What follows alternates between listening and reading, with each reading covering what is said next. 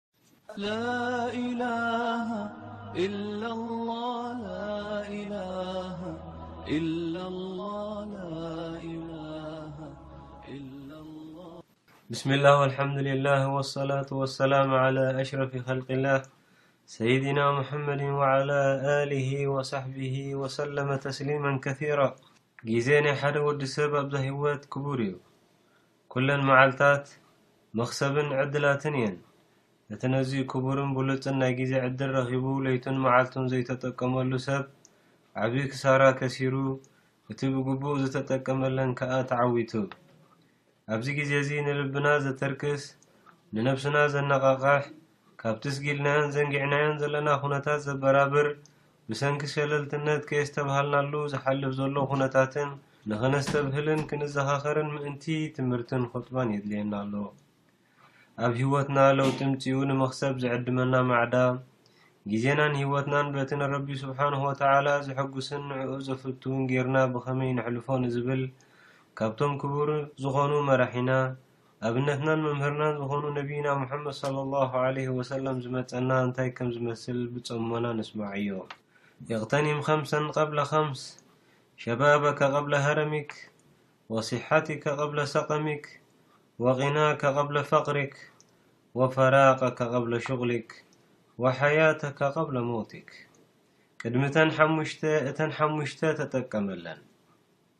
ጉብዝናኻ ቅድሚ ምእራግካ፣ ጥዕናኻ ቅድሚ ምሕማምካ፣ ሃብትኻ ቅድሚ ምድካይካ፣ ጊዜ እንከለካ ጊዜ ከይሰኣንካ፣ ብሂወትካ እንከለኻ ቅድሚ ምሟትካ ኢሎም ኣብ መሬት ዘይወድቕ ረዚን ማዕዳ ምዒዶምና። እቲ ነዚ ሓዲስ ንኽርዳእ ረቢ ሱብሓነሁ ወተዓላ ዝወፈቖ ዕድለኛ እዩ። ከመይሲ ዓባይን ዓሚቕ ትርጉም ዘለዋ ነቲ ተመሊስና ዘይንረኽቦ ዕድላት፣ ከየስተብሃልና ብቐሊሉ ዝሓልፈና ዘሎ ነገራት ከም ነስተብህለሉ ትገብር ክብርቲ ሓዲስ ስለ ዝኾነት። እቲ ቀዳማይ ብዛዕባ ጉብዝና እዩ። እወ፣ ኣብ ጉብዝና እንተ ደኣ ኣስተንቲንና፣ ኩሉ ሰብ ብመሳልላ ዝሓልፍ ናይ ህይወት መድረኽ እያ። ናይ ሓይሊ፣ ናይ ሓጎስን ናይ ፍስሃን ግዜ፣ እንተኾነ ግና ንእስነት ንሓዋሩ ኣይትነብርን እያ። ብእርጋን ከም ትትካእ ኩላትና ንፈልጦ ሓቂ እዩ።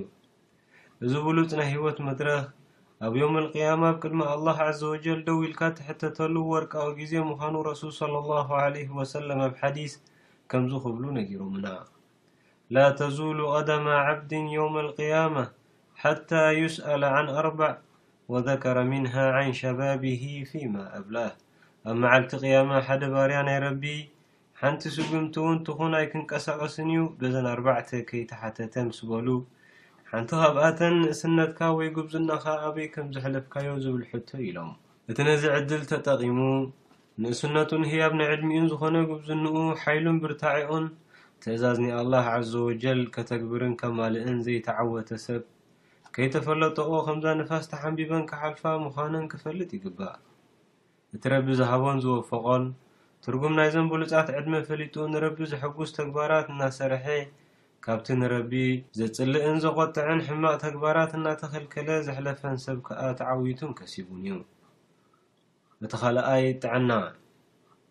ጥዕና ሓደ ካብቲ ናይ ረቢ ሱብሓነሁ ወተዓላ ኒዕማ ኮይኑ ሓደ ወዲ ሰብ ሙሉእ ጥዕናን ሓይልን ዋላ እንተሃለዎ ንሓዋሩ ዝነብርን ዘይሓልፍን ግን ኣይኮነን ድሕሪ ጥዕናን ሓይልን ሕማምን ድኻምን ኣሎ ኣላሁ ኣለዚ ኸለቀኩም ሚን ዳዕፊን ሱመ ጀዐለ ሚን ባዕዲ ዳዕፊን ቁወ ሱመ ጀዐለ ሚን ባዕዲ ቁወቲን ዳዕፈን ወሸይባ ኣላሁ ዐዘወጀል ካብ ናይ ድኽመት ኩነት ፈጢሩኩም ድሕሪ ድኽመት ሓይሊ ጌሩልኩም ድሕሪ ሓይሊ ከኣ ድኻምን እርጋንን ሽበት ጌሩልኩም ይብል። ስለዚ ዝኾነ ሰብ ብጥዕንኡን ብሓይሉን ክምካሕ ኣይግብኦን ምኽንያቱ ንሳተን ውን መዓልተን ሓልየን ዝሓልፋ ስለዝኾና። እቲ ኣብ ግዜ ጥዕንኡ ክገብሮ ዝግብኦ ተግባራት ኣማሊኡ ዘይሓለፈ ኣብ ጸወታን ፈንጠዝያን ዘሕለፎ ከቢድ ጣዕሳ ክጣዓስ። እቲ ንረቢ ከሐጉስ ደፋእ ዝበለ ባርያ ግና ይሕጎስን ይሕበንን። እቲ ሳልሳይ ሃብቲ እዩ። ሃብቲ ሓደ ካብቶም ዓበይቲ ንዒማታት ናይ ህይወት፣ ገንዘብ፣ ትሕዝቶን ርዝቅን እውን ንሓዋሩ ዝነብር ኣይኮነን። ተቐየርትን ሓለፍትን እዮም። ድኽነት ንሃብቲ ይወርሶ፣ ገንዘብ ንዋንኡ ይነብረሉ፣ በዓል ገንዘብ እውን ንገንዘቡ ይነብርን እዩ። ኣንታ በዓል ገንዘብ ፍለጥ ገንዘብ ባናናይን ሓላፋይን ጥራይ ዘይኮነ ንሓዋሩ ዘይነብር ሓላፋይ ናይ ኣዱንያ ስልማት እዩሞ ኣይትተዓሾ ኣይትገራህ። እቲ ለባም ዝበሃል በቲ ረቢ ዝሃቦ ገንዘብ ተፈቲኑ ከይተመከሐ ብገንዘቡ ዘይዕሾን ዘይድህለልን ነቲ ረቢ ሱብሓነሁ ወተዓላ ዝሃቦ ኒዕማ ብግቡእ መዓላ ኣውዒሉ ንኣኼርኡ ዘሕለፈ እዩ።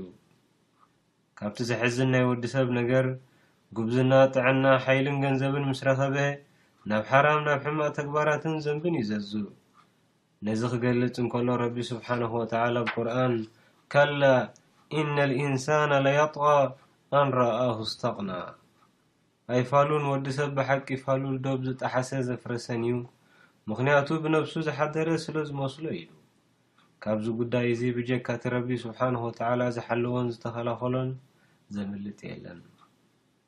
እቲ ራብዓይ ግዜ እዩ።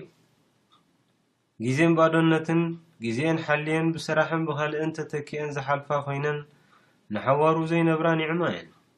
እቲ ብጊዚኡ ተጠቂሙ ቁምነገር ዘይገበረ ሰብ ክጣዓስ ይነብር።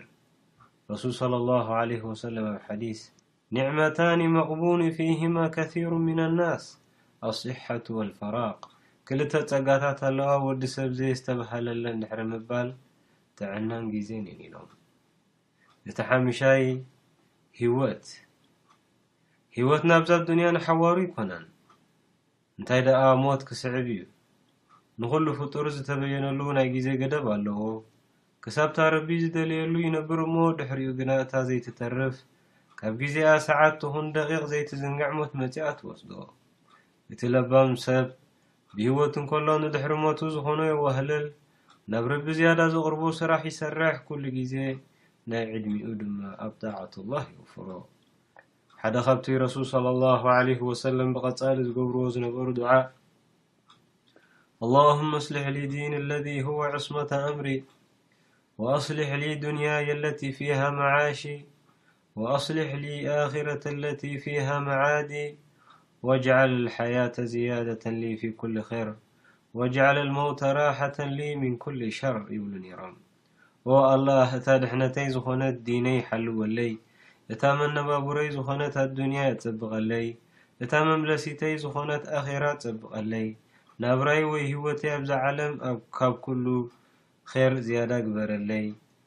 ሞተይ ድማ ካብ ኩሉ ሸር ዕረፍቲ ግበረለይ ኢሎም ዱዓ ይገብሩ ነበሩ።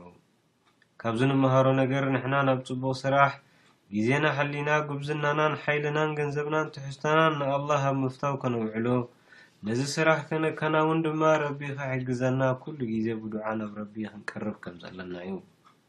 ኩቡራት ሙእሚኒን ኩላትና ክንፈልጥ ይግባእ እዛ ኣዱንያ እዚኣ